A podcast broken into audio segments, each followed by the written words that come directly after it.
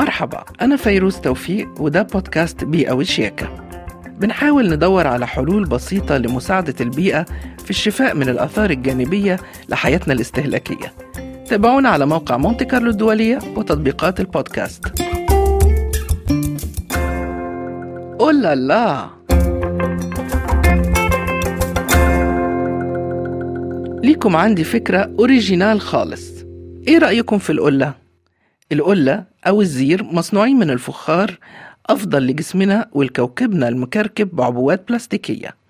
أينما كنتم أكيد في بلدكم كان في زمان أواني فخارية للطبخ والأكل والشرب ربما ما زال يستخدم منها القليل في المطبخ لطهي الطواجن الشهية. لو تعرفوا قد إيه الفخار مفيد ربما ترجعوا تشربوا من القلة أو الزير مرة تانية كما يفعل البعض في دول شرق وجنوب آسيا. القلة بتبرد المياه وتنقيها بشكل تدريجي وصحي وتخليها في درجة برودة مثالية للشرب ولا تضر حتى لو كنت تعاني من آلام في الحلق أو السعال. ده لأن الفخار له مسامات ينقي ويبرد المياه.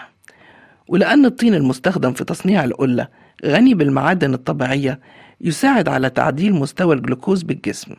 وللرجال تساعد مياه القلة على توازن مستويات هرمون التستوستيرون وده يخليك سبع البرومبا في البيت. منافع شرب من القلة أو الزير لا تنتهي هنا. الطين مادة قلوية وجسم الإنسان بطبيعته حمضي. الشرب من القلة يساهم في توازن درجة الحموضة في الجسم ويساعد على حل مشاكل المعدة. وأخيرا وليس آخرا القلة لن تضر بكوكبنا المختنق من أكوام القمامة البلاستيكية اللي يصعب التخلص منها وإعادة تدويرها بشكل كامل. هذا بالإضافة للتكاليف المادية.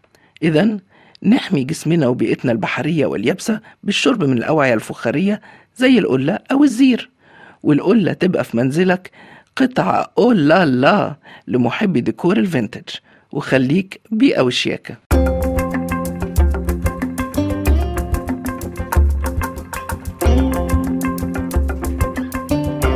نهاية حلقتنا اليوم من بودكاست بيئة وشياكة.